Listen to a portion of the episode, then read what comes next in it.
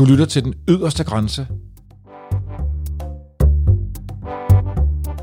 Jeg hedder Bjørn Harvi, jeg har været formand for Eventyrenes Klub. I denne her sæson møder jeg 10 nulevende danskere, der har rejst ud i verden og på hver deres måde rykket ved vores opfattelse af tilværelsen.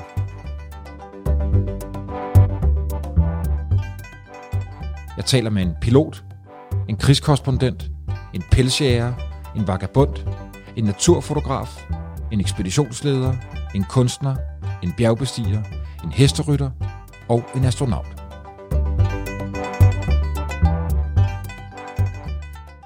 Du svæver vægtløst rundt på den internationale rumstation og ser jorden fra 400 km afstand. Det er der ikke ret mange danskere, der kan prale af. Faktisk ingen ud over dig, Andreas Mogensen.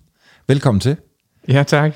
Du er uddannet ingeniør og astronaut, og første, ja, og indtil videre eneste dansker, der har været i rummet. Man kan vel på en måde kalde rumrejserne for de ultimative opdagelsesrejser. I dag vil du fortælle, hvad der skete fra du hørte motoren tænde i rumraketten på den kazakhstanske steppe, øh, indtil du igen satte fødderne på jorden.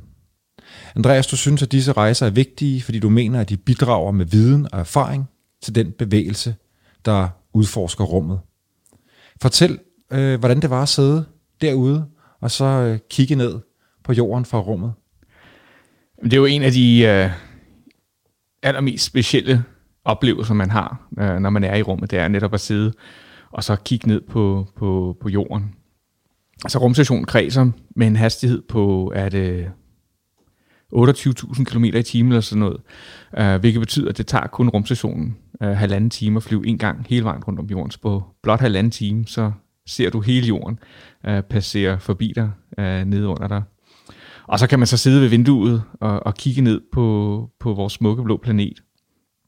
Og der er så mange spændende ting at se, øh, så mange store forskelle. Øh, noget af det første, man lægger mærke til, når man flyver over dagsiden af jorden, det er, at man, man ser ikke tegn på mennesker.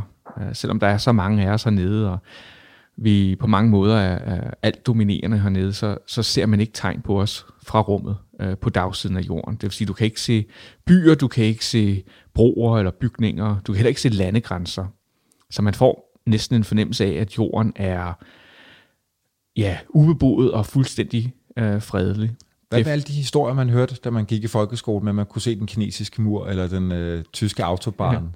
Nej, det er ikke rigtigt. øhm, nej, det er det ikke. Altså i hvert fald ikke med, med det blotte øje. Uh, vi har selvfølgelig øh, sådan nogle zoomlinser til vores kamera, og hvis du bruger det, så kan du sagtens øh, se dem og, og tage billeder af dem. Øh, men med det blotte øje, så kan du ikke, nej. Um, og så, så det var så dagsiden, når du så, så er det først, når du kommer over på, på nattesiden af jorden, øhm, at det går op for dig rent faktisk, hvor mange mennesker der er. Fordi lige pludselig, så kan du se lysene fra alle storbyerne lyse nattehimlen op. Øhm, og det er også utrolig smukt. Øhm, men altså som sagt, på dagsiden, så, så virker jorden fuldstændig fredelig og, og ubeboet. Og man får meget hurtigt en fornemmelse af, måske også fordi det kun tager de her halvanden time at flyve rundt om jorden, at det er én planet, vi alle sammen deler. Det er ikke 200 forskellige lande. Altså det er vores jord. Vi bor her alle sammen øh, side om side. Um, og det der med landegrænser, det er noget menneskeskabt. Det er noget unaturligt. Altså det findes ikke i naturen. Og, og hvis vi måske bare kunne lære at samarbejde lidt bedre, lære at leve side om side, uden at komme op og skændes og slås, jamen så ville mange af vores problemer jo forsvinde, fordi ja, langt størst, eller størstedelen af vores problemer er jo menneskeskabte. Det er jo simpelthen fordi, vi slås over de samme ting, og vil have de samme ting, og så videre, og så videre. Og det, der forhåbentlig bliver rigtig interessant senere i vores samtale, Andreas, som jeg havde planlagt, at vi skulle snakke om, så det gør vi ikke nu, men alligevel det her med, hvordan man så faktisk derude i rummet kan mødes i coexistence og i fred og fordragelighed, fordi ja. den er så international, altså rumstationen deroppe, Nemlig. og folk, der ellers er i krig med hinanden, mødes deroppe og har en, en fælles mission. Ja. Øhm, jeg skal lige spille et, et lydklip for dig, Andreas. Hæng lige på her.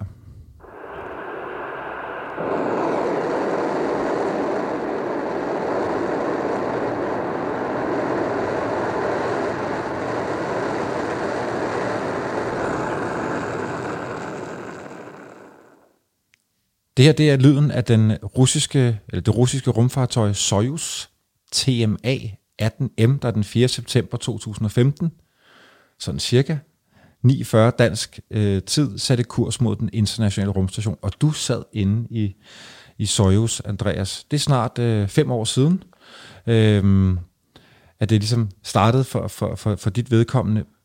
Fortæl, hvordan det så ud, da du sad inde i rumraketten, og du ligesom hører motoren, motoren tænde. Jamen, den, den Soyuz-kapsel, vi sidder i, er jo meget, meget lille. Så vi sidder øh, stuet sammen, øh, tre store øh, fyre side om side, i sådan en, man kan nærmest kalde det en lille balje. Altså, det er jo vores sæde, men det ligner sådan en, en, en balje, øh, der er støbt til os, så den danner sådan en perfekt skal til vores ryg. Øh, og så har vi så benene øh, Øh, helt op på brystet nærmest, øh, så vi kan ikke strække os. Det ligner ikke et sæde, som vi normalt kender det. Det er faktisk nærmest sådan en lille balje, vi sidder nede i. Øh, og så er der jo så fuldstændig mørkt, selvom det er, øh, er tidlig eftermiddag, tror jeg det er i Kazakhstan på det tidspunkt. Men vi sidder, der er jo sådan en, en mekanisk eller aerodynamisk skal rundt om rumskibet øh, for at beskytte os, mens vi bliver skudt op gennem luften. Øh, så der er, er fuldstændig mørkt, bortset fra det her lille lys, og så selvfølgelig lyset fra vores computerskærm, og så sidder vi så ellers der og, og venter spændt. Øh, der er mange, der tror, at, at man sidder der næsten ligesom i en rutsjebane, inden rutsjebanen går i gang, ikke? og man er nervøs, og man tænker på, uh, hvad kommer der til at ske nu? Men øh, det havde jeg ikke rigtig tid til, Øhm, og det er nok mest fordi, altså vi har jo en masse opgaver, vi har en masse ansvar, vi har trænet det, det her i, i, i mange, mange timer i en simulator, så vi er dybt fokuseret, dybt koncentreret. Nok det, jeg er allermest bange for på det her tidspunkt, det er at lave en fejl, ikke? fordi nu, nu er alle øjnene rettet øh, på mig og mine øh, to kollegaer, så alt skal bare gå godt. Øhm, så jeg har egentlig ikke øh, så meget tid til at sidde og tænke over, hvad der kommer til at ske. Det eneste, er, jeg ligesom når at tænke, øh, når den her raket starter, øh, det er, er vi egentlig lettet? Øh, fordi jeg havde en forestilling om, at opsendelsen, det, især, især starten, ville være utrolig voldsom. Altså, der ville være masser af støj og larm, og raketten ville ryste, og altså, det ville bare være en meget, meget voldsom oplevelse. Og det stammer måske fra de historier, jeg har hørt fra de amerikanske astronauter, der har fløjet med den amerikanske rumfærge. Og der tror jeg, at det var en, en, en meget, meget voldsom oplevelse. Måske fordi den, den her rumfærge sad jo på siden af raketten. Uh, men Soyuz er en lille kapsel, som sidder helt oppe i toppen. Det vil sige, der er 50 meter ned til motorerne nede, nede på jorden. Uh, så man mærkede egentlig ikke de her stærke vibrationer. Der var heller ikke så meget øh, støj og larm, som jeg havde forventet. Så jeg tænkte sådan i et splitsekund, kan vide, om der er gået noget galt, om vi det stadigvæk sidder. Ja. du er simpelthen i tvivl om, om I er lettet? Lidt. Altså, nu, nu er der ikke nogen, der siger noget til os, så jeg er godt klar over, at alt går, som, øh, som det skal. Men hvis der var nogen, der havde sagt, hør her, øh, I sidder stadig i simulatoren i, i Star City i Rusland, så havde jeg troet på dem. Bliver der talt ned? Altså, så I ved præcis, hvornår det... Nej, ikke, i, i Rusland har man ikke en tradition for, at man tæller ned, ligesom amerikanerne gør det. Uh, vi har det præcise tidspunkt selvfølgelig, um, og så bliver der sådan lidt, uh, lidt talt ned, lidt, lidt groft sagt, kan man godt sige, i det, at, at vi får meldinger, nu bliver nu er, er, er, er startnøglen indsat, ikke? og der er to minutter til. Nu er øh, nu er tanken tryksat, og der er 30 sekunder til. Så på den måde, så ved man, men der, det er ikke sådan 10, 9, 8, som man kender det fra Amerika. Det er der slet ikke. Og jeres rolle i opstarten, den er jo, der er jo ikke nogen andre, der nødvendigvis gør det hele for jer. I jo også forestiller mig ret meget selv på. Ikke? Jeg synes, jeg, jeg kan huske, at du har fortalt, at, at I sad derinde i et godt stykke tid inden. Man går ikke bare ind, sætter sig, og så, og så flyver den. Altså. Nej, det er rigtigt. Altså, vi, vi, vi sætter os ind øh, to og en halv eller tre timer inden opsenden. Øh, fordi så er det Ja, det er jo ligesom at, at gøre en flyvemaskine klar til at lette. Ikke? Der, alle systemerne skal tændes og tjekkes, Øh, det vil sige, computersystemerne skal følge tændes, radioen, uh, vi skal teste hele uh, life support systemet, det vil sige også den rumdragt, vi har på, uh, den tryksætter vi, uh, bare lige for at være sikker en sidste gang, at den nu også er lufttæt. Fordi hvis der skulle ske uh, for eksempel en, en utæthed i kapslen, når vi kommer ud i rummet, så er det jo uh, den her rumdragt, der skal uh, holde os i live. Uh, og alt det tager det tager omkring to, to og en halv time. Hvis der så er lidt tid tilbage, eller til overs inden opsendelsen, så spiller de lidt musik for os i de sidste kvarter, 20 minutter, 30 minutter. Kan du huske, hvad det var? Ja, vi får uh, hver især lov til at vælge to-tre sange, som de så uh, spiller. Så jeg, jeg lyttede, eller jeg havde blandt andet bedt om uh, en sang fra Mew og, og noget fra Dr. Dre, kan jeg huske. I just need y'all to bear with me for a minute while I talk about the pages of my diary. Yeah, listen up. I remember when I got started, my intention was to win, but a lot of shit changed since then. Hvem, hvem er de to andre? Øh, det er øhm, en russisk kosmonaut, Sergej Volkov, øhm, som er på sin tredje mission. Ja, de kalder sig selv kosmonauter og ikke astronauter. Ja, det, det er bare det russiske ja. ord for det, det er rigtigt. Ja. Øhm, så Sergej Volkov, som er kommandør ombord på Soyuz, øh, der er på sin tredje mission. Og så er der en, øh, en, øh, en hvad kan man kalde ham, en nyankommen øh, kazakhstansk kosmonaut, øh, Aydin Ambietov, øh, som er også på sin første mission. Og når jeg siger, at han er nyankommen, det var fordi, øh, op, oprindeligt så skulle øh, operasangerinden Sarah Brightman have været med.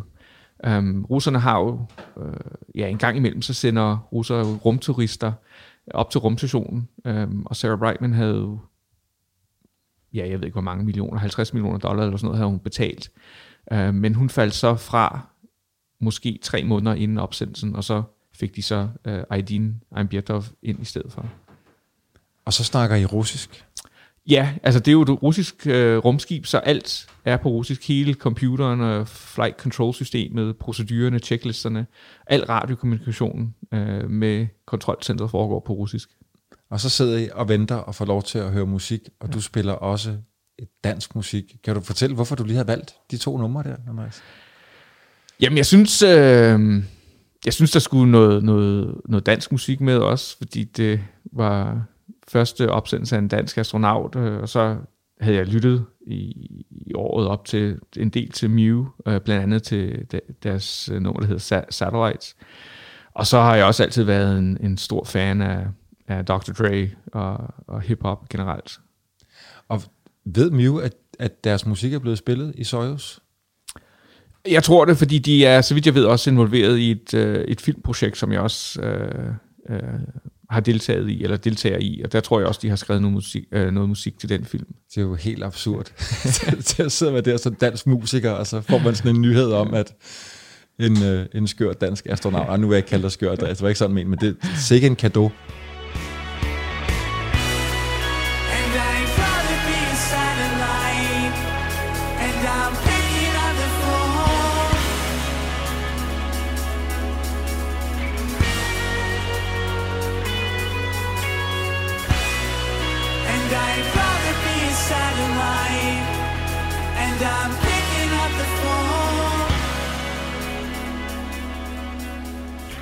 I sidder og venter på, at I bliver skudt op, og så, så, så sker det i tapper. Altså, jeg synes, jeg har læst, at det går selvfølgelig rigtig stærkt, men det går faktisk øh, hurtigere og hurtigere. Stærkere og stærkere, jo længere I kommer op. Prøv at forklare, hvorfor det er sådan med accelerationen af en, af en rumraket.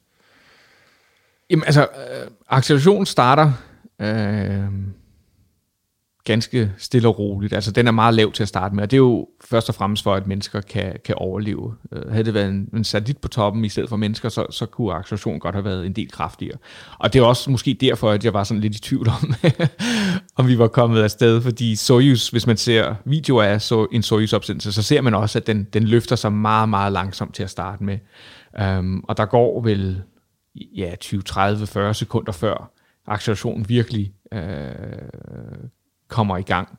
Øhm, og den vokser så stødt med, at, at altså, jo mere brændstof, der bliver brugt, jo mindre veje raketten, desto hurtigere accelererer den. Ikke? Og så jo hurtigere den kommer op i luften, jo tyndere bliver luften også. Ikke? Og så har den mindre luftmodstand, og så kan den accelerere endnu hurtigere. Og så sker der sådan nogle ryg, øh, fordi Soyuz består af, af tre trin. Øh, de fleste raketter består af forskellige to eller tre trin.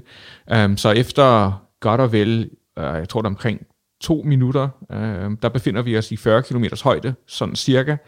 Øh, og så falder første rakettrin fra. Og det vil sige, lige pludselig fra at blive accelereret med 3,5 G, så falder vi ned til næsten 0. Ikke? Så man bliver kastet for, øh, forover i sit sæde, og så starter øh, motoren i anden trin, og så bliver vi presset til, tilbage igen, og så starter den her acceleration igen, øh, og piker op på 3-3,5 G, og så sker det samme igen, hvor vi øh, mister anden trin, og så starter tredje trin. Så, så, så det kommer i sådan nogle ryg, hvor vi øh, ligesom er, er vægtløse i, i et splitsekund, inden vi bliver presset ned i sæderne igen.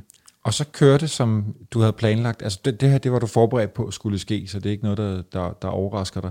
Andreas, hvor længe er I så undervejs på vej mod rumstationen? Jamen det ender med at tage os øh, lidt over to dage. Jeg tror, det var 51 eller 52 timer for os at, at komme op til rumstationen. Um, det skulle kun have taget os 6 timer, men øh, 4 eller 5 dage i forvejen får vi så at vide, at øh, rumstations kredsløb øh, var ikke lige der, hvor man havde håbet, den ville være. Og, og det har noget at gøre med, at nogle måneder øh, tidligere tilbage i, i sommeren 2015, øh, der var der noget rumskrot på vej til at ramme rumstationen, og så flyttede man øh, rumstationsbane en lille smule, øh, og det gjorde, at den var ligesom var skubbet for meget ud af, ud af den korrekte bane til, at vi kunne nå op på 6 timer. Um, så vi blev nødt til at bruge en, en, en lidt ældre metode, som uh, ikke bruger helt så meget brændstof uh, på at komme derop, men det tager så de her 51-52 timer. For, så det var... Fortæl, hvad rumskrot er. Det har jeg aldrig nogensinde hørt om, det begreb. Jamen, det, det dækker jo rigtig mange forskellige ting. Altså, øh, når du sender raketter ud i rummet, øh, det, når du frigør satellitten for eksempel, eller rumkapslen, så bliver der sprængt nogle bolde. Øh, de bolde øh, udgør rumskrot, men også sådan noget som, som døde satellitter, der ikke længere har brændstof ombord, og som har udtjent deres levetid, øh, og som nu bare kredser om jorden. Øh, alt det, som ikke er brugbart, det kalder vi rumskrot. Øh, og i, i værste tilfælde, så, så udgør det jo en kollisionsrisiko øh, med Det lyder med jo ekstremt farligt. Ja, altså nu kan man sige, at heldigvis så er, er rummet jo enormt stort. Øh, men det sker øh, ja, nogle gange om året, at, at, at øh, vi får at vide, øh, typisk fra det amerikanske militær, så har de her store radarsystemer, der overvåger rummet, at der er noget rumskrot, øh, der har en vis risiko for at ramme rumstationen, og så kan vi så vælge at, at løfte øh, højden eller sænke højden på rumstationen en lille smule, bare for at være helt sikker på, at, der ikke, at vi ikke bliver ramt af rumskrot. Og det er fuldstændig no-go at skulle begynde at kunne samle det ind igen, forestiller jeg mig. Det. Ja, der er jo masser af forskning i øjeblikket, der går på at, at, at, at forsøge at finde måder, hvorpå du kan, kan, kan samle det ind. Øhm, man kan sige, heldigvis så alt det rumskrot, som befinder sig under cirka 1000 km højde, det vil sige alt det rumskrot, der er i, i rumstationens øh, kredsløbsbane, det forsvinder af sig selv efter ja, alt afhængig af højden, alt fra to år til måske 20-25 år, fordi der er jo, selvom man er i rummet, så er der en ganske lille smule atmosfære tilbage. Altså det vil sige, der er nogle ganske få luftmolekyler, som rumstationen også rammer ind i, øh, og hvilket betyder, at rumstationen øh, mærker en form for luftmodstand, som gør, at den mister energi, og helt altså selv og helt naturligt falder tilbage til jorden. Og hvis vi ikke gjorde noget, så vil øh, rumstationen øh, komme styrtende tilbage til jorden inden for et år eller to. Og derfor bliver vi også nødt til et par gange om året simpelthen at løfte øh, rumstationen øh, tilbage i 400 km højde. Men det betyder så også, at det meste rumskrot i den højde på en eller anden tidspunkt vender tilbage og brænder op i atmosfæren og forsvinder af sig selv. Ja, så det dumper ikke lige pludselig ned. Nej, altså det kommer så an på, hvor stort det er. Altså rumstationen for eksempel er jo så stor, at når den en dag øh, har udtjent dens levetid, og den skal øh, ligesom ned gennem atmosfæren og brændes op, så, så er der stumper, der, der ikke vil nå at brænde, og som vil ramme så skal jorden. Man, skal man plukke den sammen, eller skille den ad før den... Hvis man kan, ja. Det er et, okay. et stort spørgsmål om, hvordan vi, vi håndterer, øh, håndterer det. Men altså russerne for eksempel, da de skaffede sig af med deres rumstation Mir, øh, der fløj den også ned gennem atmosfæren. Meget af den brændte, men øh, del af den øh, landede i Stillehavet, og det kommer formentlig også til at ske med, med den internationale rumstation. Andreas, fortæl, hvad I skudt op.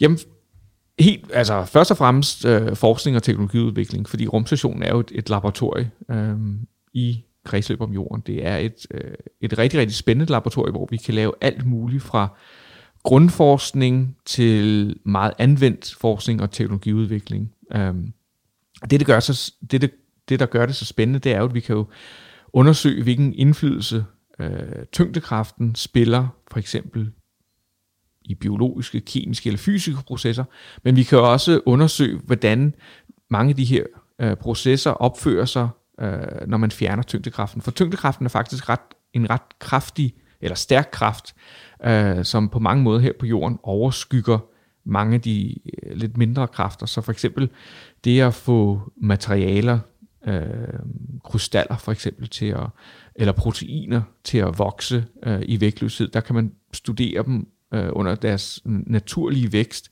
øh, uden at de bliver påvirket af, af tyngdekraften. Um, Så du har nogle I har hver især nogle specifikke opgaver, eller har I som hold nogle specifikke ting, I skal op og Det, det er meget forskelligt. prøve af? Øhm, jamen, altså mange af forsøgene øhm, sidder vi og arbejder med øh, alene. Der er nogle forsøg, som er så store og komplicerede, at vi er to eller tre om dem.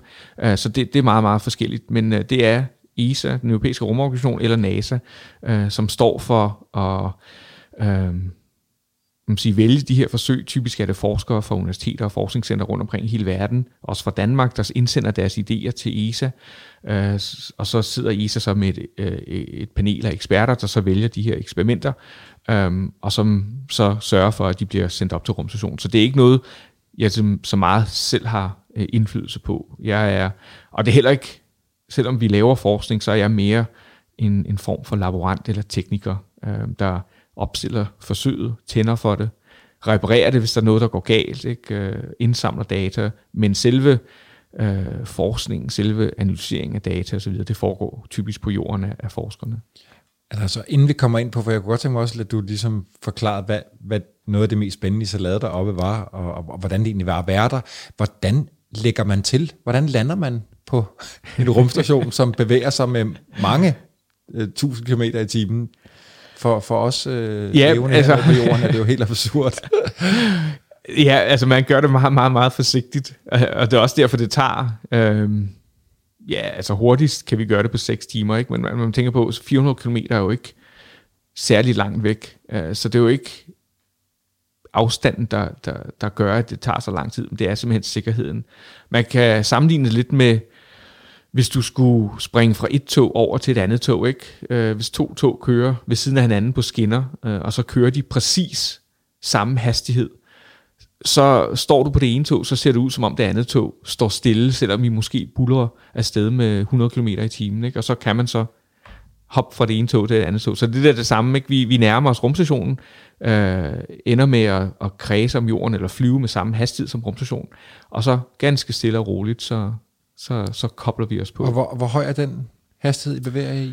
Uh, omkring 28.000 km i timen. Så, den, så rumstationen, og I bevæger jer 28.000 28.000 km i timen, og der skal I ligesom koble sammen, finde Ja. hinanden. Men det ser ud som om, vi står stille i forhold til hinanden, ikke? fordi vi begge to flyver med, med, med samme Det er, jo, hastighed. det er jo helt vanvittigt, jo. Ja. Og hvordan, hvordan er det? Forklar, hvordan det var at lægge til, og så er, hvordan entrerer man ligesom, hvordan, hvordan kommer man ind på rumstationen? Jamen det er, øhm, altså det, det, det er også specielt. Det starter jo med, at øh, øh altså først og fremmest så har Soyuz har jo sådan et, et periskop, nærmest som en ubåd har.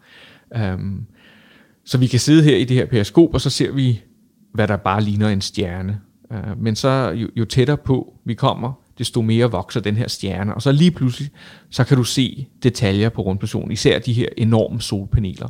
Øh, vi får øh, strøm fra, fra de her solpaneler, som er virkelig, virkelig store, øh, og dem ser man så først.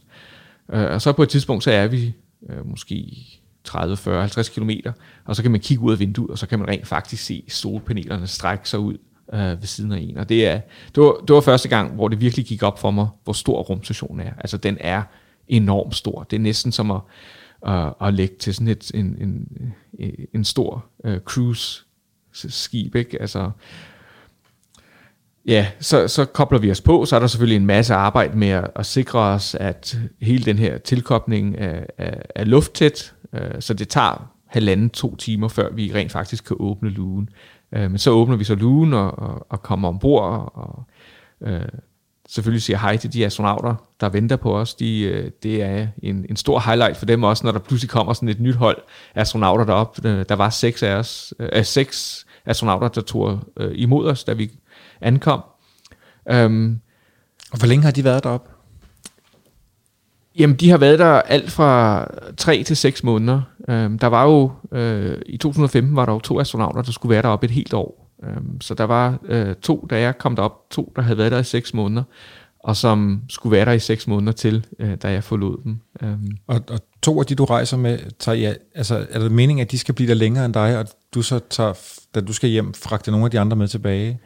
Så øh, den kazakhstan, kazakhstanske kosmonaut Aydin Øh, han skal tilbage med mig, Øh, men så vores kommandør bliver udskiftet, så det vil sige, Sergej Volkov bliver derop, og så skal jeg så tilbage med en anden russisk kosmonaut, der hedder Gennady Padalka. Ja. Øhm, der sker også noget andet, sådan ret sjovt eller pudsigt, øh, lige efter vi er ankommet. Øh, traditionen er, at man holder sådan en lille pressekonference, øh, hvor man lige siger hej til sin familie og venner, der sidder i kontrolcentret i Rusland nede i, i, i Moskva og venter på, at man er sikkert ankommet til rumstationen. Um, så jeg får at vide, at jeg skal uh, flyve ind til højre i det næste modul, hvor de har gjort klar til den her pressekonference. Du kalder det flyve ind? Fordi du simpelthen svæver? Ja, man svæver jo ikke, eller man, man, man går jo ikke, men jo, svæve ind eller flyve ind i det næste modul, jeg ved det, det ikke. Det er hvad sejt at kunne ja. sige. Ja. Så det gør jeg, jeg flyver ind i det næste modul, øh, som er et af hovedmodulerne, det russiske service module hedder det, øh, som jeg har tilbragt rigtig, rigtig mange timer på jorden i at træne i, øh, fordi der sidder mange af, af styresystemer, kontrolsystemerne, som vi bruger til at styre hele rumstationen med. Og så kommer jeg så ind i det her modul, og så kan jeg pludselig ikke genkende, hvor jeg er. Og jeg tænker, det er da underligt det her. Ikke? Jeg tænker, er der, er der noget, jeg har misforstået? Er der kommet et nyt modul? Er jeg blevet væk? er, jeg taget, er jeg drejet forkert et sted? Men jeg kunne virkelig ikke genkende noget som helst. Og jeg tror, jeg ser sådan lidt, øh, lidt forbavset ud, øh, fordi i hvert fald så er der en af de øh, andre astronauter, der siger til mig, øh, hør her, du, du står på loftet. okay. Alt var på hovedet. Ja, præcis. øhm, og det er han fuldstændig ret i. Så snart jeg fik drejet mig om og fik fødderne ned på det, vi kalder gulvet, så er det som om alting pludselig falder på plads, og så kan jeg genkende, hvor jeg er. Og det er rigtig, rigtig underligt. Øhm, ja, hvad der sker. Altså bare fordi jeg har set øh, tingene på hovedet, eller fra en anden vinkel, øh, så, så kan jeg ikke genkende det. Øh, og det er noget, jeg oplever gang på gang. Altså netop fordi man er, når man er vægtløs, så er der ikke noget, der hedder op eller ned. Vi har så det, vi kalder gulvet, simpelthen bare for at kunne sige, at jeg har stillet noget på gulvet, eller jeg har sat noget fast på gulvet. Ikke? Eller, øh, men der er egentlig ikke noget, der hedder op eller ned, så du kan, om du står på gulvet eller på loftet, det, det er simpelthen det samme. Men du skal lige give dine øjne og din hjerne øh, et par sekunder til at vende sig, øh, hvis du for eksempel står på, på loftet, fordi ja, du kan meget hurtigt blive forvirret, eller i hvert fald ikke genkende den det. Der, du den der vægtløse tilstand må I have trænet, Andreas, og så alligevel kommer det bag på dig. Jamen det er jo, det er jo måske den eneste ting, vi, vi virkelig ikke kan træne. Jo, man kan, man kan være ombord på sådan en flyvemaskine, som følger det, der hedder en parabolkurve. Det vil sige, at den flyvemaskine er i frit fald ned gennem atmosfæren, og så alle ombord svæver så inde i flyvemaskinen. Men du når ikke at opleve mere end 20 eller 25, 25 sekunders vægtløshed, fordi så bliver piloten nødt til at, at rette op på flyet, inden flyet rammer jorden. Og 20-25 sekunder er ikke lige nok til øh, rigtig at, at, at mærke eller forstå, hvad det vil sige at være at vægtløs. Altså det er mere som en, en, en rutsjebanetur, altså en, en tur i Tivoli, end det er virkelig at, at bo og, at leve i vægtløshed. Um, så det, derfor tager det også uh, lang tid at ligesom virkelig at vende sig til at være i rummet. Altså de 10 dage, jeg var deroppe, er, er slet ikke lang tid nok til virkelig at lære at leve uh, og arbejde i, i, i vægtløs tilstand. Altså for eksempel, da jeg kommer derop, uh, så når jeg skal flyve eller bevæge mig ned langs rumstationen, ned gennem rumstationen, så bruger jeg mine hænder. Altså så griber jeg fat i de her håndtag, ikke? og så skubber jeg mig øh, fra det ene håndtag til det næste håndtag. Lidt ligesom sådan en abe, der svinger sig fra gren til gren øh, i træerne i junglen. Men det er en meget ufe- ueffektiv måde at bevæge sig på, fordi så kan du ikke bære noget. Ikke? Så hvis du nu skal have dit kamera og din computer med, så på en eller anden måde, så skal du sætte dem fast i armhulerne, så du stadigvæk kan bruge hænderne og armene til at bevæge dig med.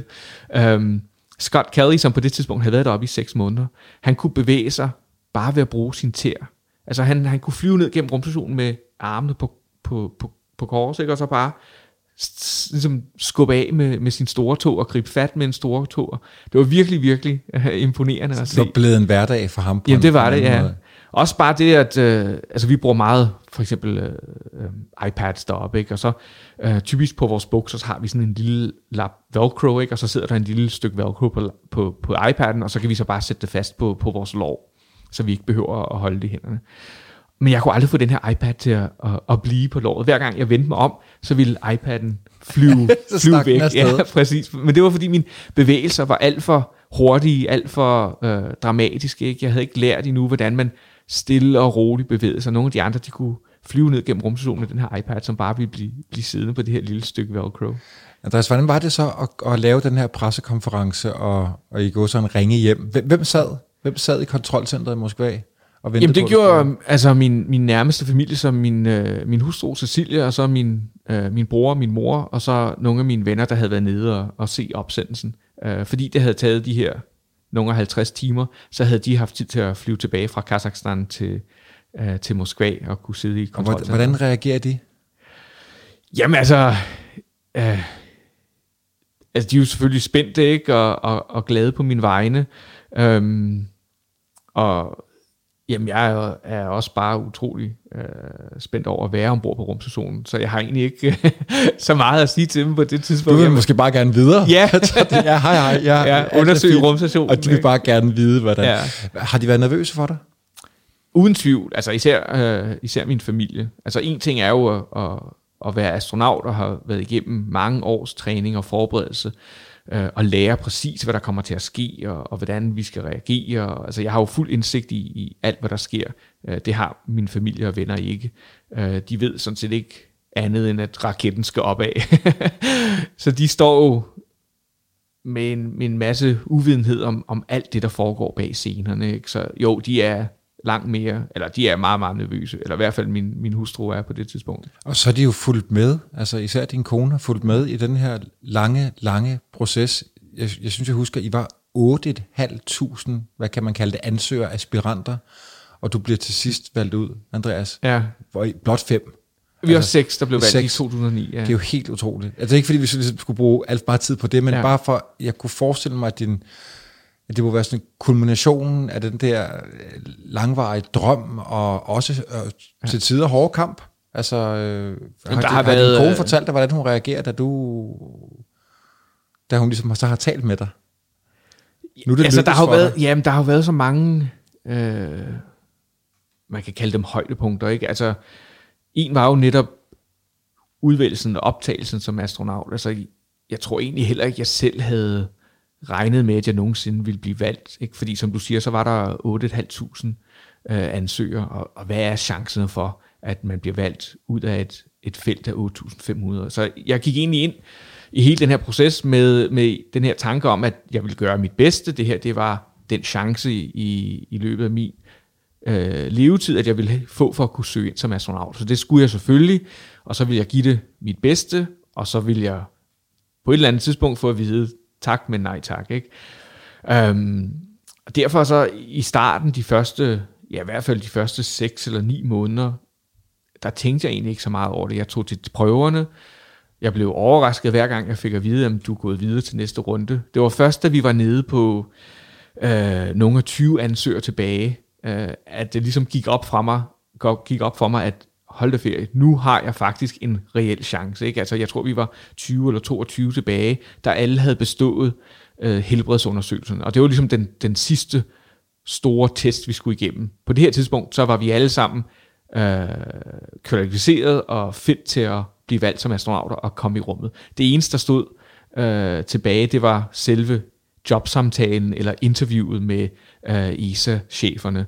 Øh, så på det tidspunkt, så, så, så satte naverne ind, og jeg kunne mærke, at jeg pulsen steg ikke, og blodtrykket steg, og, og jeg havde svært ved at koncentrere mig om noget andet end, end, end den her... Øh, og sådan har I alle sammen haft det. Ja. Formentlig. det tror jeg hvornår, hvornår, startede, hvornår startede drømmen, Andreas?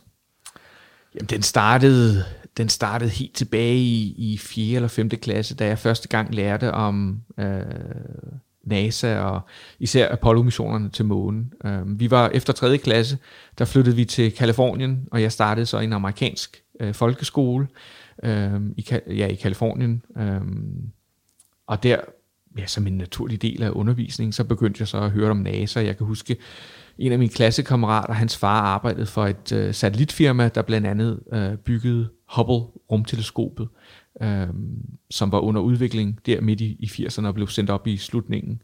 Øh, jeg tror, det var 89 eller 90 blev det sendt op. Øh, så det der med rumfart, det var ligesom, der begyndte jeg at høre om det, og der begyndte jeg så også at blive fascineret af det, og, og, og der startede den her drøm om at ville være men, så, Og du kender jo ikke særlig mange navne. Jeg kender Gagarin, første mand i rummet, ja. Rus, altså, sovjetborger, russer, og, og så selvfølgelig uh, Neil Armstrong i, i 69, der kom op. fortæl, hvad det var, der var så fascinerende. Altså, fordi vi har jo alle sammen som små drenge, små piger tænkt, jeg skal blive verdens bedste fodboldspiller. Jeg skal ja. op på Mount Everest. Jeg vil også gerne på månen. Eller jeg vil gerne op i rummet. Jamen, det startede jo... Øh, altså, det startede med eventyret. Altså, den fysiske opdagelsesrejse. Ikke? Altså, for mig er det jo ja, det ultimative e- eventyr, man kan komme på. Altså, den her øh, tanke om at sætte sig ombord på en raket og blive skudt ud i rummet, være vægtløs, kigge ud af vinduet og se vores blå planet, øh, og så lande på månen eller en anden planet, og åbne lugen, træde ud i den her ukendte verden, og så bare få lov til at gå på opdagelse. Altså det er jo, det er jo ren og skær eventyr. Øhm, og hvad ved man, man finder deroppe? Altså det er jo, ja, hvem ved, hvem ved, hvad der er på den anden, eller gemmer sig på den anden side af horisonten, eller på den anden side af, af den barke, man kan se. Altså det er jo virkelig, virkelig at gå på opdagelse i en ukendt verden. Så det var jo det, der fascinerede mig øh, som, ja, som, som elev i, i 4. og 5. klasse. Og den der drøm, den bræst så aldrig rigtigt? Altså. Nej, altså den voksede støtten med årene. Øhm, den gik så fra at være sådan rent fokuseret på eventyr, til også at omfatte naturvidenskab. Jeg begyndte at, at blive fascineret af, af naturvidenskab i 7., 8. og især 9. klasse, da jeg fik fysik øh, i skolen for første gang. Altså den naturvidenskabelige verden, øh, synes jeg er enormt spændende, og den, hele den tankegang, der ligger bag naturvidenskaben, altså med at, at vi, vi, altså vi har ingen viden om verden omkring os, men hvis vi går ud, kigger os omkring, laver observationer, bruger vores hjerner, tænker os om, øh, kommer med idéer, øh, teorier, som vi så kan teste i et laboratorie, jamen så kan vi begynde at forstå verden. Altså det synes jeg er enormt spændende. Det er jo også en form for opdagelsesrejse, man er igennem. Den, den er måske ikke så fysisk, men den er sådan mere mental. Ikke? Men det er jo gennem naturvidenskaben, så kan vi jo opdage verden, og det synes jeg er enormt spændende. Altså der var aldrig nogensinde der, nogen, der har været øh, længere væk end månen, men alligevel så kan vi gennem vores øh, teleskoper forstå øh, noget så kompliceret som solen, ikke? og andre stjerner og andre solsystemer, hele universet. Altså, det synes jeg er enormt spændende. Så det, så det blev fra at være en, uden at det skal blive for simpliceret, men altså en form for drengedrøm om eventyret, og komme derud og se det ukendte, også senere hen en, et, et ønske om at, at, at kunne forstå bedre. Helt altså være, være en del ja. af den... Øh... Man kan sige, jobbet som astronaut er en kombination af de to ting, og derfor er jeg også så vild med det. Ikke? Fordi på den ene hånd, så er der den, den fysiske oplevelse ved at komme ud i rummet, altså eventyret, og så er der den her naturvidenskabelige, tekniske del, som handler om at, at, at forstå verden. Øhm, og den, for mig, den, øh, den, den, spilles, den her naturvidenskabelige, tekniske del, øh, spillede så stor en rolle, at, at øh, det var det, jeg ligesom satset på efter gymnasiet. Altså, jeg var godt klar over, at chancen for at blive øh, astronaut var jo meget, meget lille, øh, men jeg vidste, at jeg gerne ville arbejde med rumfart alligevel, og så valgte jeg så at blive rumfartsingeniør, fordi så det mindste kunne jeg så sende satellitter og rumskibe op, hvis jeg ikke selv kunne komme derop. Ja, og så er du, uden at du overhovedet kunne forudse det på en eller anden måde, alligevel tappet ind i den, hvad kan man kalde det, bevægelse, eller selvfølgelig rigtig mange mennesker, professionelle, der, der er med til at, at, at udforske himmelrummet. Og jeg har faktisk fundet et lydklip, lydklip som jeg også håber på at kunne spille ja. for dig i dag, Andreas. Det passer ret godt til det, vi snakker om nu. Det her, det er fra 1962. John F. Kennedy holder, mm. tror jeg, for kongressen, øh, forsøger at overbevise dem om, at nu skal de altså være med i det her kapløb om at komme derud.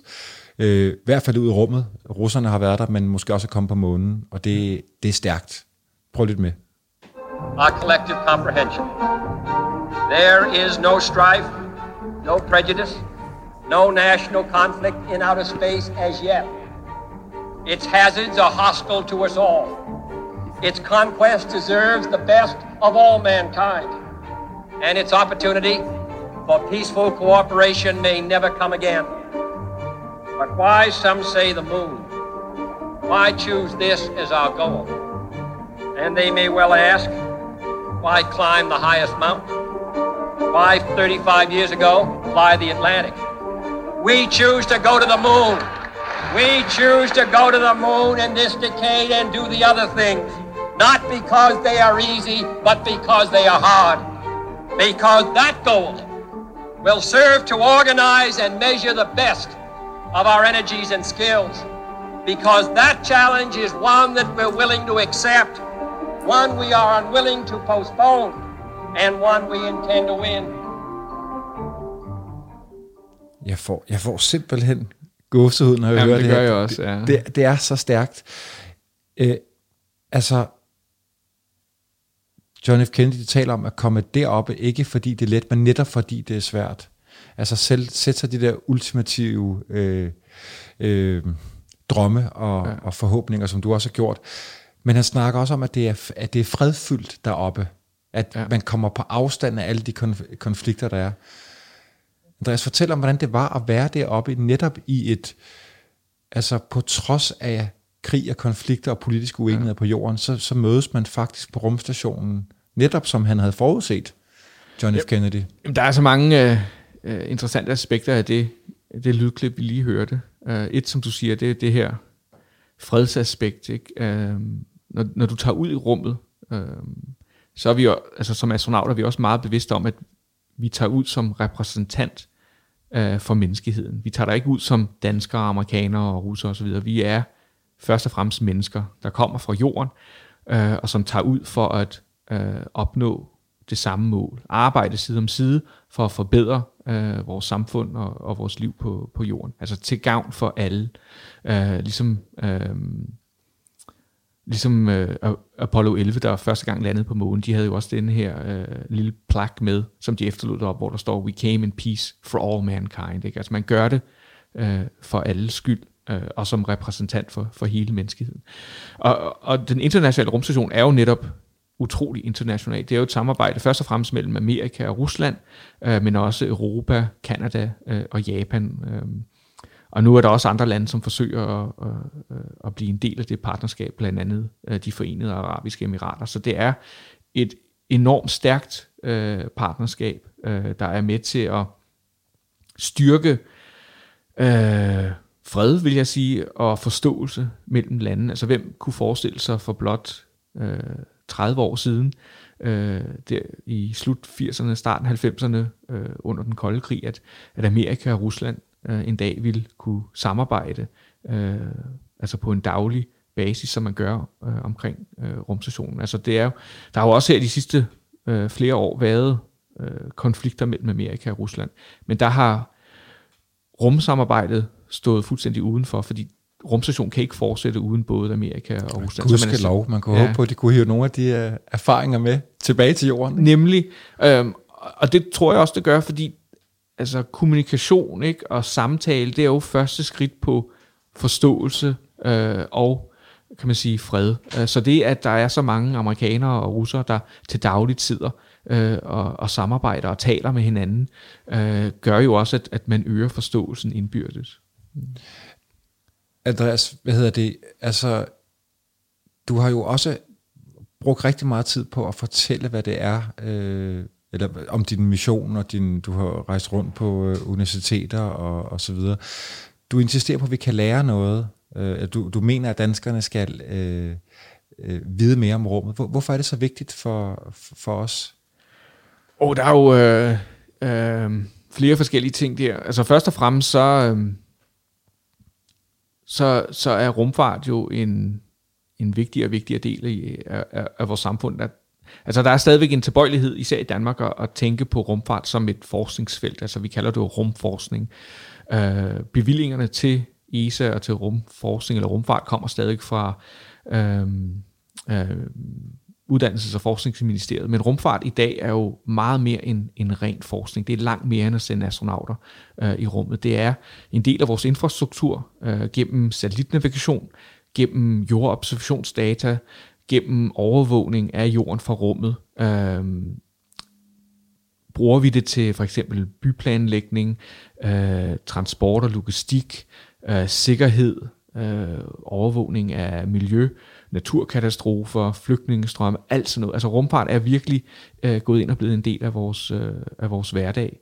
Øhm, og der er det vigtigt, at vi, vi tror at vi, vi er klar over det. Øh, men derudover så Øh, synes jeg selv, altså naturvidenskab er jo, eller i hvert fald rumfart er jo utrolig, utrolig vigtig øh, og spændende. Øh, og det er en måde, hvorpå øh, man kan især vise børn og unge, hvor, hvor spændende naturvidenskab og teknik er. Øh, og vi har jo et stort behov for at øh, uddanne flere forskere og især ingeniører. Øh, så rumfart det er en måde, hvorpå du kan øh, tiltrække øh, børn og unge, og ligesom få dem inspireret, øh, få vist dem, hvor spændende de naturvidenskabelige fag er. Og så blev du øh, lemliggjort, menneskeliggjort. Der er faktisk en, ja. en, en, øh, en, en dansk dreng, der voksede op og blev astronaut. Ikke? Det må være ja. meget stærkt at, at lytte til, os som ung. Ja. Øhm, ja, altså, jeg tænker, fremtiden, Andreas, hvad, hvad, hvad tænker du? Nu har du været med deroppe, og det må sætte masser af, af ting i gang, og, og, og det får mig så til at stille et andet spørgsmål, inden vi snakker eventuelt om fremtiden. Kan du komme med nogle eksempler på, hvad, hvad, det, hvad den bidrog til jeres mission deroppe? Den er jo også lidt, du deroppe og tager nogen med hjem, og nogen fra din mission bliver deroppe, men, men det konkrete arbejde, I havde, hvad, hvad, hvad har det forskningsmæssigt bidraget til? Altså man siger, forskningsmæssigt, så er det jo en, en, en en proces, der foregår deroppe. Øh, rumstationen har, er nu 20 år gammel, ikke? Så, så vi har forsket deroppe. Og man sige, størstedelen af det arbejde, jeg, jeg lavede, det var jo så en led i det her øh, forskning, øh, samarbejde. Um, for meget af det handler jo om at, at indsamle en masse, masse data, øh, for at få et statistisk interessant grundlag. Altså det nytter ikke noget, at man bare studerer mig som astronaut. Man bliver nødt til at øh, studere de andre astronauter også, for at kunne ligesom at, at sammenligne øh, det, der skete med mig, med, med dem, for at få en, en, en, en forståelse for for eksempel, hvordan rummet, rummet eller vægtløsheden påvirker øh, ens krop. Altså hvis du bare studerer en astronaut, så kan du ikke sige, om det er rummet, eller om det bare er en tilfældighed ved, ved min fysik eller fysiologi, som, som, som har gjort en forskel. Altså på den måde kan man sige, at jeg, jeg har indgået i et, et, et større proces, øh, men samtidig så har jeg også... Øh, øh, være med til nogle, nogle meget konkrete øh, eksperimenter, blandt andet det her danske øh, forsøg på at, at, at studere øh, det, vi kalder kæmpelyn. Øh, Danmarks største øh, rumeksperiment indtil videre, der hedder ASIM, øh, blev sendt op i, i 2018 og installeret på ydersiden af rumstationen, øh, og derfra sidder det i dag og, og studerer de her kæmpe lyn, det vi kalder blue jets og red sprites. Det er lyn, der skyder opad ud mod rummet, i stedet for nedad mod jorden. Øh, og netop fordi de skyder opad øh, og befinder sig på toppen af skyerne, af tordenskyerne, så er det meget svært at studere nede fra jorden, men så kan man så studere dem fra, fra rummet. Øh, det her ASIM-eksperiment, øh, det var ikke deroppe, øh, i 2015, da jeg var deroppe, men jeg blev bedt om at lave et lille forstudie til det, altså at sidde ved vinduet og så prøve at filme og fotografere nogle af de her øh, kæmpe lyn. Og, og, det, ly- og lykkedes det? Ja, jeg må sige, at jeg var lidt skeptisk, øh, da jeg første gang hørte om, om eksperimentet. Jeg tror egentlig også forskerne øh, fra DTU, der står bag ASIM, øh, var lidt skeptiske, fordi jeg har for eksempel aldrig set sådan et øh, blåt eller rødt lyn før, og det har de fleste andre mennesker heller ikke. Og jeg tænkte, hvad er chancerne altså chancen for, at jeg får set det fra rummet i løbet af, af, af 10 dage. Øh, for vi ved ikke engang rigtig, hvor hyppige de forekommer. Det er også en del af det her studie. Øh, vi ved ikke, under hvilke forhold øh, de bliver dannet. Vi ved ikke, om det er specielle steder på jorden, eller om det er sådan overalt, hvor der er uh, tordenvejr. Um, men jeg var altså så, så heldig, at en, en aften, uh, efter jeg havde spist middagsmad, så sad jeg ude og, øh, og slappet lidt af ved vinduet, og jeg havde mit kamera jeg har sådan, med. Jeg har sådan, jeg synes, jeg har set et billede af sådan en kuppel. Ja, nærmest. det er rigtigt. Vi har det, der, det hedder cupola. Det er sådan okay. en, en, en halvkugle, øh, der består af syv vinduer, som man ligesom kan sidde ned i. Altså en, en helt utrolig udkigspost. Um, og der sad jeg så... Dem må der være rift om. Det er der også. Og heldigvis er den, er den stor nok til, at øh, ja, man kan godt, man kan godt øh, få tre derned på, på en gang. Så kan man sidde der eller kigge der og stikke hovedet ud. Um, og der sad jeg så en aften, um, og, og på et tidspunkt, der fløj vi over uh, Indien, um, og jeg kunne se sådan her stort uvejr begynde at udvikle sig, jeg tog så fast i mit kamera og begyndte så at filme. Um, du tænkte, at nu kan det være... Ja, fordi det var virkelig, virkelig et voldsomt uvejr. Altså, uh, måske det største uvejr, jeg så under min tid ombord på rumstationen. Der var simpelthen lyn uh, i næsten alle de her syv vinduer af cupola. Uh, og jeg Altså det var så voldsomt, jeg vidste ikke engang rigtig, hvor jeg skulle pege kameraet hen, ikke? fordi der var simpelthen lyn, lyn over det hele, så jeg pegede det nu i den retning, jeg mente var, var den bedste retning, og så øh, et par minutter øh, efter, øh, da vi var fløjet forbi det, jamen, så skyndte jeg mig så tilbage til min computer for at se optagelserne igennem. Og der så jeg så det her blå lyn, det her blue jet, øh, pulsere, altså hvor det simpelthen skyder tre gange i træk inden for halvandet sekund eller sådan noget lignende. Det var virkelig, virkelig imponerende. Man ser virkelig sådan et, et rør af lyn skyde op i en meget, meget blå, næsten lilla farve. Øh, og jeg blev helt, helt vild. Altså, det var første gang, jeg havde set det, og jeg skyndte mig at vise optagelser til, optagelserne til mine øh, kollegaer ombord på rumstationen og spurgte dem, om de nogensinde havde set noget lignende. Og det sagde de, det havde de aldrig. Og så skyndte jeg mig så at, at sende filen tilbage til, til forskerne på DTU og sige, hør her, eller se her, hvad jeg, hvad jeg har set. Var, var det det, I ledte efter? Um, og de blev også virkelig, virkelig uh, vilde, uh, fordi det er første gang, at, at uh, det er blevet set på video på den måde, så det var rigtig, rigtig spændende. Sikke et scoop. Ja, og det er jo er utrolig spændende, at, at selv den dag i dag, så kan vi jo øh, ja, lave nye opdagelser. Altså, vi går nogle gange rundt med den tanke om, at vi ved alt, hvad der er at vide. Ikke? Der er ikke noget nyt. Vi kan ikke blive overrasket, men der er stadigvæk så meget, øh, der venter os. Der er så meget, vi stadigvæk den dag i dag ikke ved. Og det er også det, jeg synes, gør livet så spændende. Ikke? Altså, der er stadigvæk mange opdagelser, der venter os. Og der er behov for, at nogen kommer med en idé, som man umiddelbart tænker er skør. Helt sikkert. Og så ikke siger nej til det. Ja. ja. Hvad, hvad, hvad byder fremtiden, Andreas? Jeg ved godt, det, det er et enormt spørgsmål, men så måske mere konkret på dig. Hvad? Jamen fremtiden er, altså hvis vi taler om rumfart, så er jo fremtiden utrolig spændende. Men alle tænker Mars. Altså det er i hvert fald, Ja, eller men- ikke alle, men det er det, man hører oftest.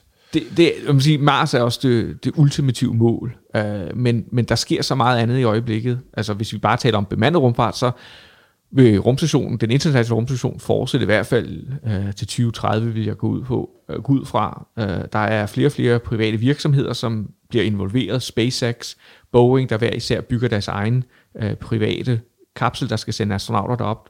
Samtidig arbejder vi på at komme tilbage til månen. Trump har sat NASA det mål at få de næste astronauter tilbage på månen i 2024. Um, øhm, om vi når det, ved jeg ikke. Det er meget, meget udfordrende, men det er i hvert fald målet.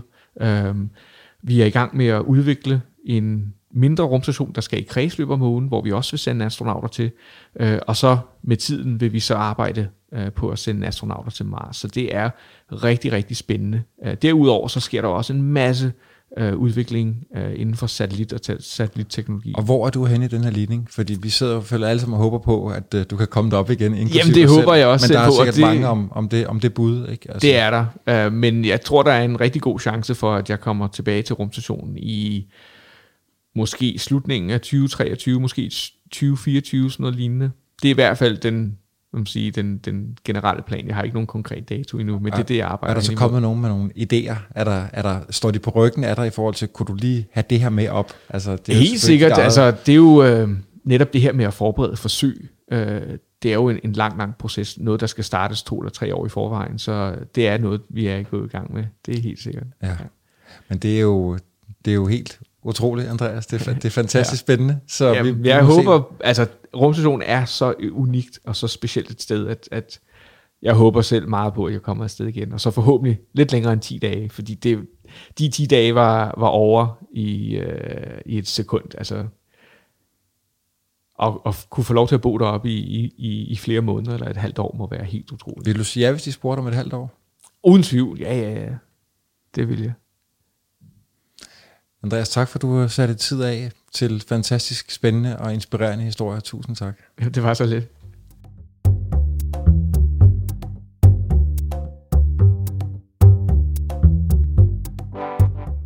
Den yderste grænse er produceret af kontoret Jul for Nationalmuseet og Radio Loud.